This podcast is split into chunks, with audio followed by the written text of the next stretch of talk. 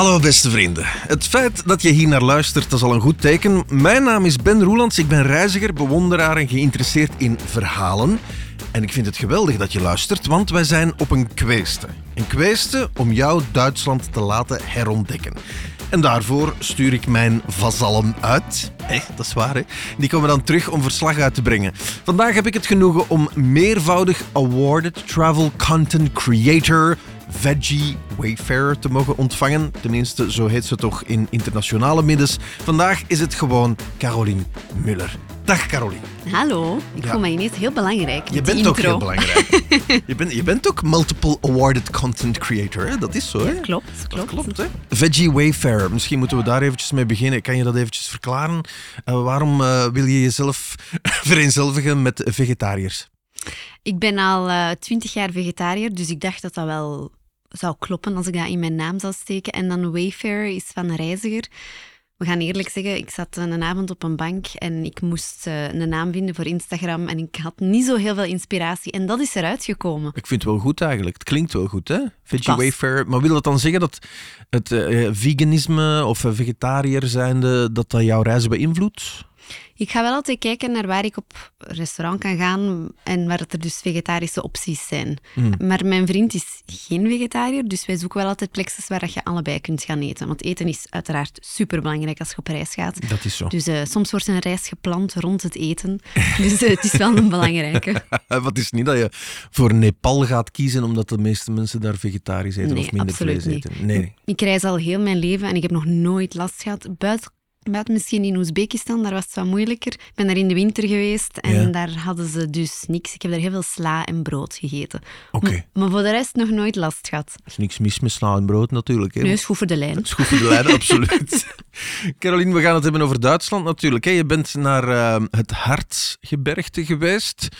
Vertel eens, is dat een eh, veggie-proof destination? In C is dat niet zo'n heel vegetarisch vriendelijke bestemming, omdat dat... Ik ga het even anders kaderen. Hun specialiteiten ligt wel heel hard in het vlees. Dat is een gebergte, dus dat is er koud. Dus alles wat hartig is, neem stoemp, worst, vlees, dat is echt wel het, het hart van de, van de keuken daar. Maar ze hebben wel heel veel slaatjes en, en heel veel ja, aardappelen dat je op 20.000 manieren kunt koken. Dus ik heb daar heel lekker gegeten. Ik ben daar ook in de zomer geweest, dus je hebt daar veel fruit, veel groenten. Dus ehm, voor mij was het in orde. Voilà, oké. maar dus eh, voor de vegetariërs misschien niet meteen de juiste bestemming. Hartsgebergte, situeer mij eens eventjes. Waar ligt dat? Waarvan moeten mensen dat kennen? Wat, wat houdt het in? Het Hartsgebergte ligt, ik denk dat dat een beetje afhangt van met wie dat je spreekt. Voor mij is dat nog altijd het noorden van Duitsland, zo het centraal Noord-Duitsland. Ik denk dat als je het misschien al gezien hebt, dan heb je misschien van die mooie houten huisjes gezien met veel kleuren. Je hebt ook een heel mooie Harry Potter-trein dat daar rondgaat, zo een, de Brokkenbaan. Supermooi, die... Die zie je wel regelmatig tijdens de winter op eh, Instagram passeren. Dat neem ik aan. Dus misschien dat de mensen die al gezien hebben. Ja?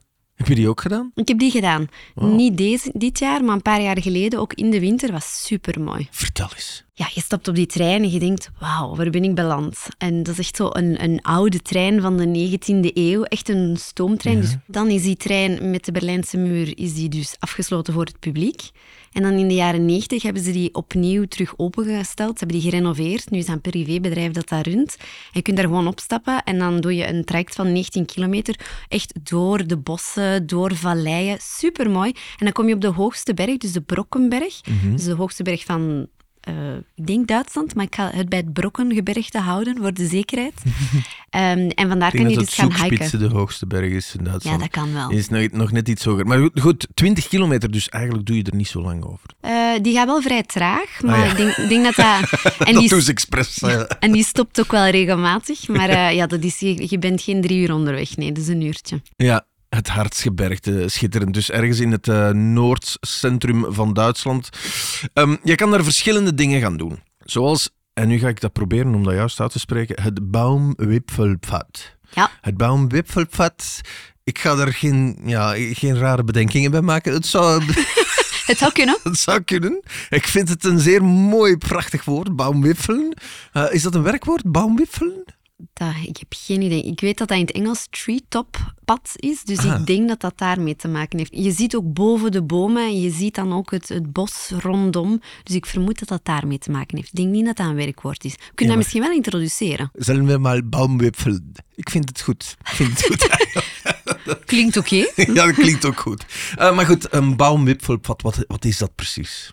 Dus dat is een, een, een ijzeren gestalte waar dat je dus kunt opwandelen. Je wandelt in een cirkel naar omhoog en rondom zie je verschillende informatiebordjes over. Oké, dit is een vogel dat je hier kan vinden. Dit zijn planten die hier groeien, dit en dat. Dus je leert eigenlijk op een, op een heel fijne en speels manier een beetje over de omgeving waarin je je bevindt. En dan kom je helemaal tot op de top en dan heb je een supermooi uitzicht. Dus dan zit je echt bovenop de bomen. Ah, Dus- wauw. En als je dan in het bos zit, is dat wel heel mooi. Dus wandelen tussen de bomen eigenlijk. Ja. Ja. dat is prachtig. En tijdens deze herfstkleuren, dan zou dat echt geweldig zijn natuurlijk. Hè? En wat ook heel fijn is, is super toegankelijk. Dus ze hebben echt nagedacht over hoe rolstoelgebruikers of mensen met een beperkte mobiliteit ook kunnen deelnemen aan een activiteit. Dat is echt top. Mhm. Zalig. Klinkt fantastisch. Nu, ik heb eh, eventjes opgezocht. Dat Hartsgebergte, dat staat bekend omwille van zijn eh, link met magie en hekserij. Waar komt dat dan weer vandaan? Ik denk dat dat iets typisch is voor plekken waar dat er bergen waren en waarin dat er veel heuvels en bomen. En in de middeleeuwen waren dat typisch zo de plekken waar dat er zo, oh, daar woont een heks of dat, dat kennen we niet zo goed. En de dag van vandaag, het meest bekendste festival daar, heb je, dat is 30 april en dat is Walpurgisnacht. En daar verkleden dus mensen zich in heksen en dan gaan ze met vuurwerk de heksen en de demonen proberen weg te krijgen. Het is een beetje gelijk Halloween bij ons. Dus dat is echt een supergroot festival. En voor de rest, wat je nog kan zien, is je hebt veel van die eh, rotsen of bergen of eh, rivieren, die hebben allemaal de naam van een, een heks of een legende. Een, dus dat leeft daar echt nog wel. En ook het meest bekendste souvenir dat je daar kunt kopen, zijn van die handgemaakte heksen die op een, op een bezempje vliegen. Dus je ziet dat ook echt, dat is echt nog wel tof. schattig. Ja, dat is wel schattig. Dat is ook de plek in, ehm, in, in Duitsland waar je moet gaan voor zo houten dingen. En, en ja, dat is echt nog wel tof. Ja, ja, absoluut. Is er zo'n anekdote die je kent van een, verhaal over een heks, een heksenverhaal dat zich daar in Harts heeft eh, afgespeeld? Ik ken vooral het verhaal van de Walpurgisnacht en ook van de Heksentanzplaats. Dus dat is zo een uitgestrekte rots, waar dat dan de heksen zo gezegd, ehm, juist voordat de lente ging beginnen, daar gingen ze aan samenkomen en dan gingen ze hekserijen doen en van alles, alle pagan rituals.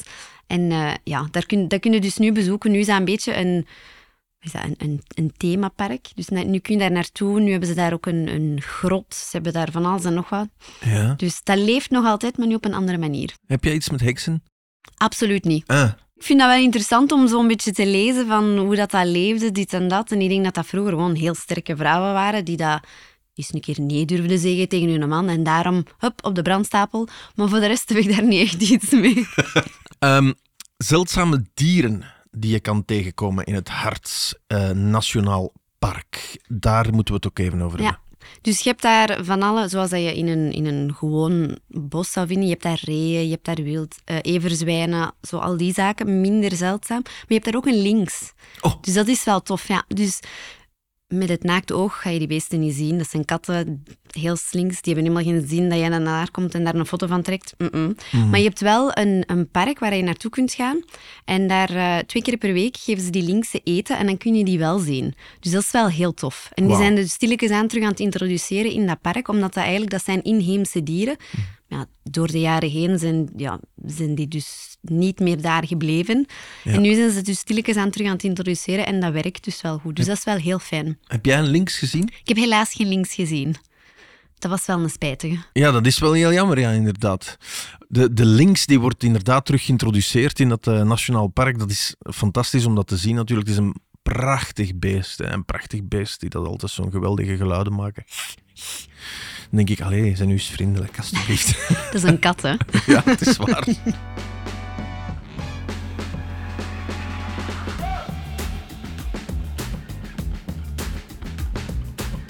En eh, die nostalgische treinrit die dat jij gedaan hebt. eh, die prachtige locomotief. eh, ik, ik hoor dan meteen zo die, die generiek van, van Harry Potter. hè. Dat zou wel zijn. Ja, nu, je, hebt die, je hebt die gedaan. Ik kan me inbeelden dat dat een hoogtepunt was van jouw bezoek aan het Hartsgebergte. Dat was zeker heel fijn. Zeker omdat we dat in de, in de winter gedaan. Dus dan heb je echt zo'n sneeuwlandschap. Dus dan ga je met die trein, dat is dus die stoomtrein, dus dan zie je die stoom echt door de bossen komen.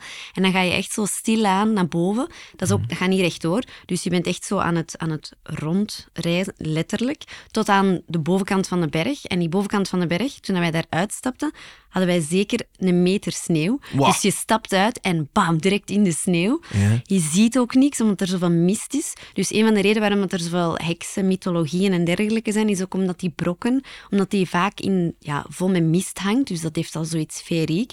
Dus als je dan buiten stapt in de sneeuw en dan met die mist en dan die stoom dat daar overal uitkomt, geweldig. Ja, fantastisch. Ja. Ik kan het me al zo helemaal inbeelden. Ja. Schitterend. Amai, dat is wel heerlijk natuurlijk. Hè? Dat is heerlijk. Wat mensen niet weten is dat jij eigenlijk al twee keer naar het Hartsgebergte bent Klopt. geweest. Waarom ben je daar teruggegaan? Sommige mensen die gaan nooit twee keer naar een plek.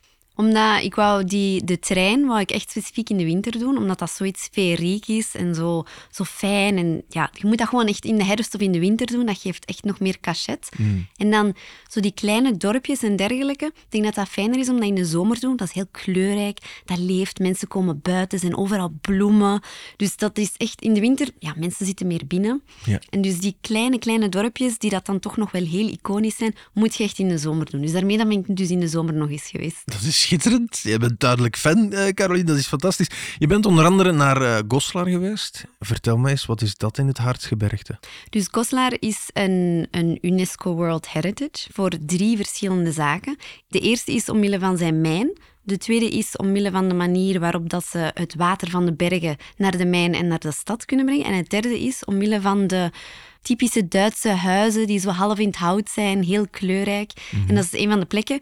Ook desondanks dat het een dorp is, daar heb je er 1500. Wauw. Dus daar kun je echt niet onderuit. Dus die zijn overal super magisch. Je komt daar binnen en je denkt, wauw, ik wandel hier in de middeleeuwen. Ja, want tegenwoordig UNESCO Werelderfgoed, dat eh, is een certificaat dat je overal begint te zien. Maar zij hebben er drie. Dat wil zeggen dat het een heel duurzame bestemming is ook. Aangezien dat ze het water op een bepaalde manier terug afvoeren en dat soort van dingen. Er wordt echt, in Duitsland wordt er echt wel rekening mee gehouden, denk ik. Hè? Met duurzaamheid, ja, sowieso. En duurzaamheid in een, een zeer brede zin. Niet enkel duurzaamheid voor het milieu, maar ook duurzaamheid in de zin van we- iedereen moet mee kunnen. Dus heel, er wordt heel hard ingezet op ehm, mensen met een beperking, dat die ook mee kunnen. Dat, hoort, dat valt ook onder de, de algemene paraplu van duurzaamheid. En dat merk je ook. En dat is wel heel fijn om, om te zien, want ik denk dat Duitsland daar tegenover andere landen toch wel, ja, toch wel voor staat. Ik denk dat je daar eh, 100% gelijk hebt. Duitsland eh, is voortrekker op vlak van sustainability voor reizen niet alleen, maar inderdaad ook voor die inclusie, om te zorgen dat iedereen toegang heeft tot, alle sites. Hoe heeft die Rammelsbergmijn de geschiedenis en ontwikkeling van eh, Goslar beïnvloed? Dat heeft ervoor gezorgd dat op zich in mijn, dat is een ertsenmijn, Ja. dus er zat heel veel geld.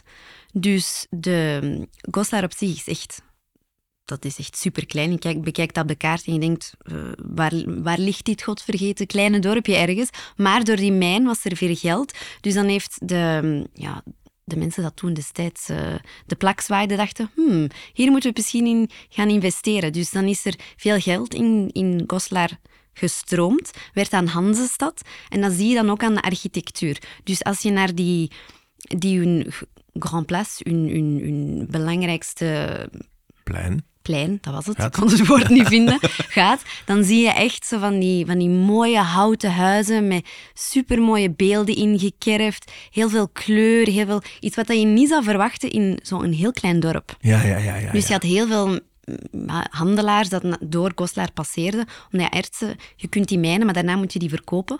Dus dan werd dat ook een stad waarin dat er heel veel passage was.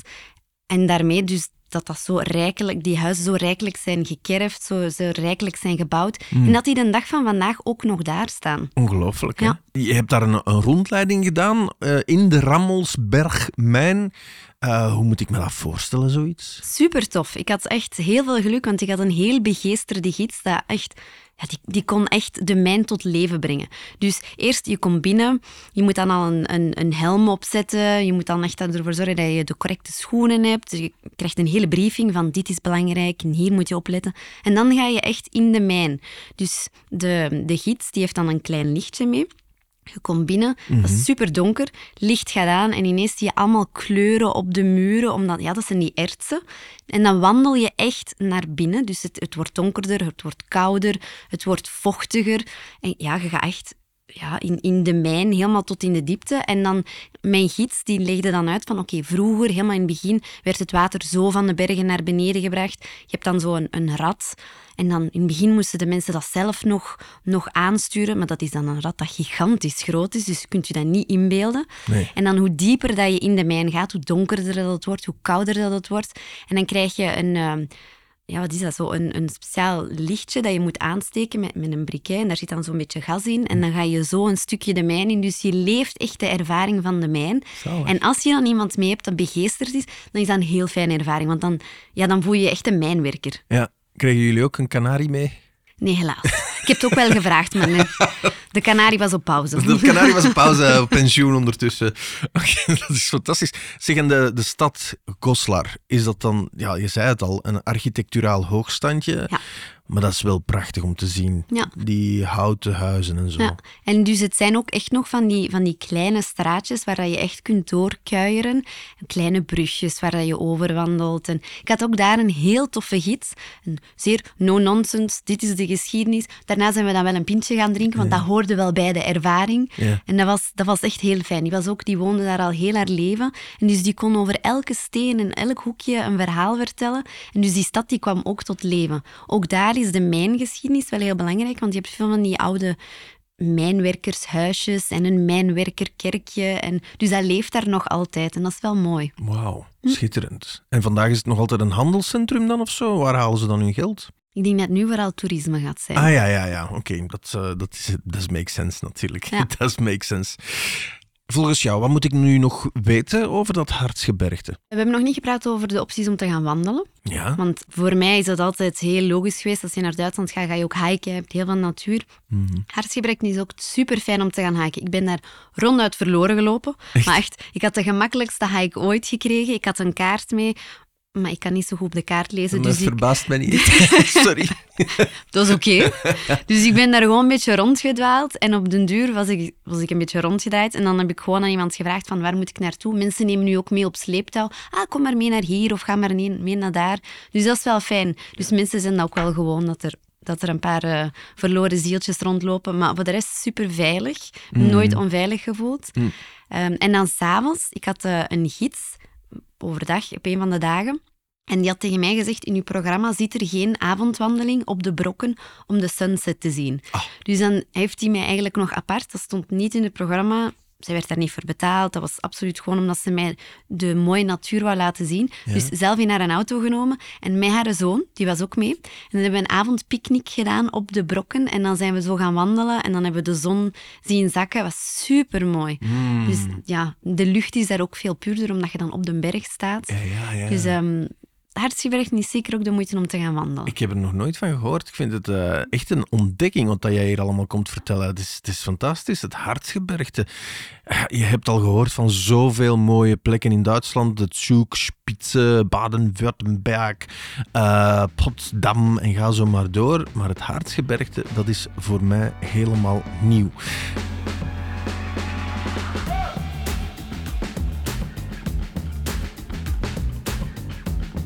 Als je daar nu voordelig naartoe wil, dan kan je gebruik maken van de Hartskaart. Wat is de Hartskaart? Dus dat is wel iets dat, dat heel... Op zich is dat, is dat een, een heel intelligente manier om, om te reizen. Is een beetje gelijk alle steden. Die hebben ook... Amsterdam heeft een kaart, Brussel heeft een kaart. Maar dit is dus een kaart dat je kan gebruiken over heel die regio. En daar zitten een honderdtal attracties in. Dat je dus gewoon met je kaart kunt betalen. Dus dan moet je geen cash meenemen. Dus dat is wel... Allee, dat is superhandig. 100, dat Ja, is ontzettend veel. En ja. waarover hebben we het dan zo? Je hebt het over kastelen, je hebt het over ehm, kabelbanen, musea. Dus eigenlijk, eigenlijk zit er bijna alles in. De trein zit er niet in, maar eigenlijk zit er voor de rest wel bijna alles in dat je nodig hebt om, dat je, om die regio te kunnen ontdekken. En het handige is ook, als je de kaart koopt of downloadt, je kunt ze ook online kopen, dan krijg je direct ook een kaartje mee van oké, dit is waar alle attracties zijn. Ja. En dan kan je eigenlijk je eigen reis aan de hand van die gids inplannen. Ja, met die hartskaart klinkt het alsof het een eh, gigantisch pretpark is eigenlijk. Dit zijn uw attracties die je kan doen. Veel plezier. Die attracties zijn dan fantastische kastelen en dergelijke, dus dat Ja. is nog beter als een attractiepark, denk ik dan. Dat is nog veel beter dan een attractiepark, inderdaad. Hm. Ehm, goed, Caroline. Ja, Duitsland in het algemeen. Hè. We zeggen hier van ja, eh, we zijn bezig met een kweeste. Het is de bedoeling dat Duitsland herontdekt wordt als vakantieland. Vind je dat correct, zoiets? Ik denk dat Duitsland heel veel potentieel heeft en dat, we, dat, we, ja, dat er heel veel te doen is. En ik denk inderdaad dat een Belg, die kan dat beter herontdekken. Blijf van Frankrijk weg. Kom, we gaan allemaal naar Het Duitsland. is eruit. Dat is veel beter. Kom naar Duitsland. Nee, maar het is een feit. Elke keer wanneer ik er kom, dan ben ik ook verbaasd. Dingen die ik gewoon niet wist. Eh, de Duitse wijnen bijvoorbeeld. Heb je die al eens ontdekt? Ja, Oh, lekker, lekker hè? En vooral, en dat is, dat is misschien heel vreemd, die ontbijt. Een Duits ontbijt. Daar, kan, er kunnen heel weinig landen aan een Duits ontbijt typen. Nu moet je me toch eens een en ander vertellen. Want ja, ik weet, eten is belangrijk bij jou. Waarom een Duits ontbijt dan? Omdat een Duits ontbijt is altijd, je hebt hartig, je hebt zoet, je hebt, ja, je hebt een hele spread. Je komt binnen, zelfs in, in allerkleinste B&B heb je sowieso één of twee tafels en die staan vol met eten. Dat kan gaan van een beetje exotische dingen zoals een gepekelde haring of gepekelde zaken. Allee, hangt er een beetje vanaf van waar je naartoe gaat. In het noorden ga je meer gepekelde zaken krijgen. Ik de- hou van gepekeld. Ja, ik ook. Oh, dat is fantastisch. Ja, ik vind dat ook heel lekker. Maar soms hebben ze zo van die haring die ook zoet is. Hè? Dat is dan zoet en zuur tegelijkertijd. Voor mij moet dat niet te zoet zijn. Dat mag zo, s'morgens mag dat zo van achter in de mond Ja. lekker, lekker zuur zijn. Dan ga je daar zeker je goesting vinden. Alright. Heel veel kazen, heel veel vlees uiteraard. Ehm, zeker twintig verschillende soorten brood in elke kleur, met graantjes, met zaadjes, met you name it, they've got it. Heel veel soorten, ja, uiteraard granen, muesli, veel fruit. En ook altijd, ook al zit je in het kleinste, kleinste dorp, ga je altijd eh, lactosevrije melk vinden of amandelmelk. Of daar staan ze echt wel voor. Dus ik bedoel, skip dinner and go for breakfast. Dat is echt geweldig. Wat het zou wel een nieuwe trend kunnen zijn, hè? What? Dinner? No, no, no. We maken nu een me essen.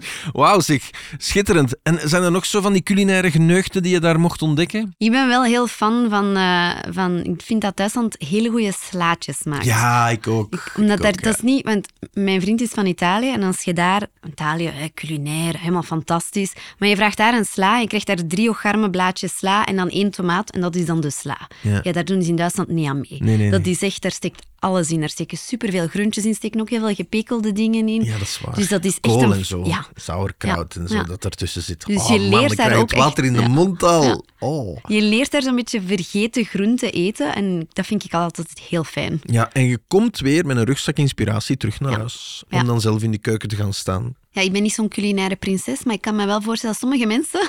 Absoluut, absoluut. Maar die, die slaatjes waar je het over hebt, zelfs bij mij is dat al bij de wegrestaurants. Hm. Sommige mensen die stappen af om een Burger King te gaan doen. Maar ik, ik stop aan zo'n typische raststätte, Hm. zoals het dan heet. En dan ga ik daar van die lekkere koolsla sla, sla Lekker, hè? eten. Is dat een woord? Koolsla, sla? Ja, waarschijnlijk wel. Maar het is heel lekker in dat geval. Nee, dat vind ik, dat vind ik echt fantastisch. Dat vind En ik ook heel lekker. ja, aardappelen, hè. op elke, elke manier dat je maar wilt. Als typische Belg vind ik dat ook wel fijn. Ja, Mijn hart is wel altijd gelukkig dan. Een goeie patat, Ja. dat kan er altijd in. Eh, Oké, fantastisch. Eh Carolien, zouden we... Stel nu dat wij naar ehm Hartsgebergte zouden gaan. Stel nu dat ik naar het Hartsgebergte zou gaan. Wat zou je me dan als dagplanning of als weekplanning geven? Dat hangt er een beetje vanaf van waar dat uw interesse liggen. Maar Eten. in, nee, eten, drinken en geschiedenis ook wel. ja. Ja, ik denk dat er zijn heel veel UNESCO steden, dorpjes dat je daar kunt bezoeken. Dus ik zou sowieso qua steden, zou ik, of qua dorpen, zou ik Werningerode doen. Daar heb je ook een heel mooi kasteel dat je kan gaan bezoeken. Je kunt daar ook een hike doen, supermooi. Ik zou, ik moet even zien dat ik dat juist uitspreek, Quedlingerberg doen. Dat is nog een ander klein dorp. Dat is trouwens 800 jaar door een vrouw gerund. Of door vrouwen gerund, niet één vrouw, zou maar een beetje vreemd zijn. Heksen toevallig. het zou kunnen, de cirkel is rond dan. Hè, ja. Het heeft geduurd tot Napoleon, tot de vrouw van eh, de troon werd gestoten. Maar Oh, ja. dus ook een, eh, een heel mooie plek. Goslar sowieso ook. Mhm. En dan denk ik, ja, de brokkentrein. Die vertrekt trouwens van Werningerode, dus je kan die daar nemen. En dan ga je gewoon de brokken en dan ga je daar hiken. Ik denk dat dat zo wel voor mij de highlights zijn van, Mhm. De regio. Ja. Schitterend programma. Zeg, eventjes voor de praktische kant. Hoe raak ik daar nu het best? Met de trein. Echt waar? Altijd als ik naar Duitsland ga, ga ik met de trein. Ik vind dat een super gemakkelijk land om door te reizen met de trein. Je hebt daar heel veel opties. Je kan oftewel van Brussel naar Frankfurt of naar Keulen gaan en daar kan je dan overstappen en dan raak je eigenlijk overal quasi in, uh, in Duitsland. En heel handig. Dus, ja. Ben je niet te lang onderweg dan? Nee, ik ben een paar uur onderweg, want dat zijn de ICE-treinen, dus dat zijn hoge snelheidstreinen. Ah, die ja. zijn, en die zijn super proper. Dus ik moet er alleen geen koffie op de trein bestellen, dat niet. Voor de rest zit het daar supergoed. Een werkpuntje voor de ICE-treinen, alstublieft. Verander uw koffie. Caroline, wat wij altijd wel vragen is... ehm, wie was zo de figuur van de reis? Dat willen wij altijd wel weten. Wie sprong er voor jou uit? Wie heeft jou het vuur aan de schijnen gelegd? Of misschien net niet natuurlijk. Hè? Wie was de figuur van de reis? Voor mij was dat de moeder-zoon-combo die mij mee heeft genomen op de Brokkenberg. Want ik had eigenlijk overdag had ik al een hike gedaan van denk 10 kilometer. En dan zijn we s'avonds nog eens even 16 kilometer erbij gaan, gaan doen. Ik had dan niet door dat dat 16 kilometer ging zijn. Die mij dan pannenkoekjes gegeven. En dan eh, ja, toch wel een beetje zeer sterke snaps eh, erbij om een beetje even wat fors op te doen, om die een berg op te geraken. Ja. En dan hebben we die sunset gezien en dan zijn we in het donker nog helemaal naar beneden gehiked, helemaal verloren gelopen. Maar dat was geweldig. Die, die waren zo blij dat ze mij hun, hun eigen omgeving konden laten zien en, en konden laten zien waarom dat Duitsland zo fantastisch was en waarom dat de mensen echt naar, ja, naar het hartsgebergte moesten komen. Mm. En dat was zo warm en zo oprecht. Ik vond dat echt ik vond dat fantastisch. Ik heb dat ooit in Oostenrijk ook meegemaakt. Ehm, dat wij om vijf uur begonnen aan de klim. Ehm, dat was niet op mijn conditie gerekend. Want we waren net op tijd om de zonsondergang mee te maken op de top van een berg. Ik ken de naam niet meer, maar ik kan u garanderen, het is inderdaad een fantastisch gevoel. Mooi, hè? Bezweet en uitgeput bovenop een berg belanden, boven de wolken, om dan die zon te zien zakken, dat is fantastisch. En net hetzelfde, er niet aan gedacht dat we dan terug naar beneden moesten, helemaal geen licht bij en in het pikdonker terug de berg af moeten en verloren lopen. Yep. Ergens moeten aankloppen aan een boerderij, waar dan een vriendelijke boer ons dan toch uiteindelijk naar beneden heeft gebracht met zijn 4x4. Dat was, eh, dat was een avontuur, maar echt eh, subliem. Ik ben zijn daar de trouwens nog tegen hè? een koe gelopen. Dat gebeurt een ook. koe Ja, gelopen, in kan het dat? donker, In het donker gebeurt dat. ja, dat gebeurt. Die zijn nogthans heel groot. Ja, maar ik kan het u aanraden. Het is een fantastische ervaring. De koeloperij. Koeloperij. Het is bij deze een nieuw woord.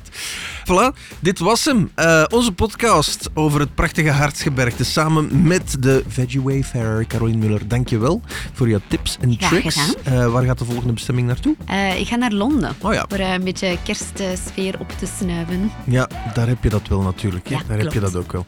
Oké, fantastisch. Wil je nu nog de andere podcasts beluisteren, dan raad ik je aan om die even te raadplegen via Spotify of een andere app van jouw wil. Volgende zijn we er terug met een nieuwe verrassende bestemming in Duitsland, vakantieland. Voor nu, dankjewel, tot de volgende keer en bedankt om te luisteren.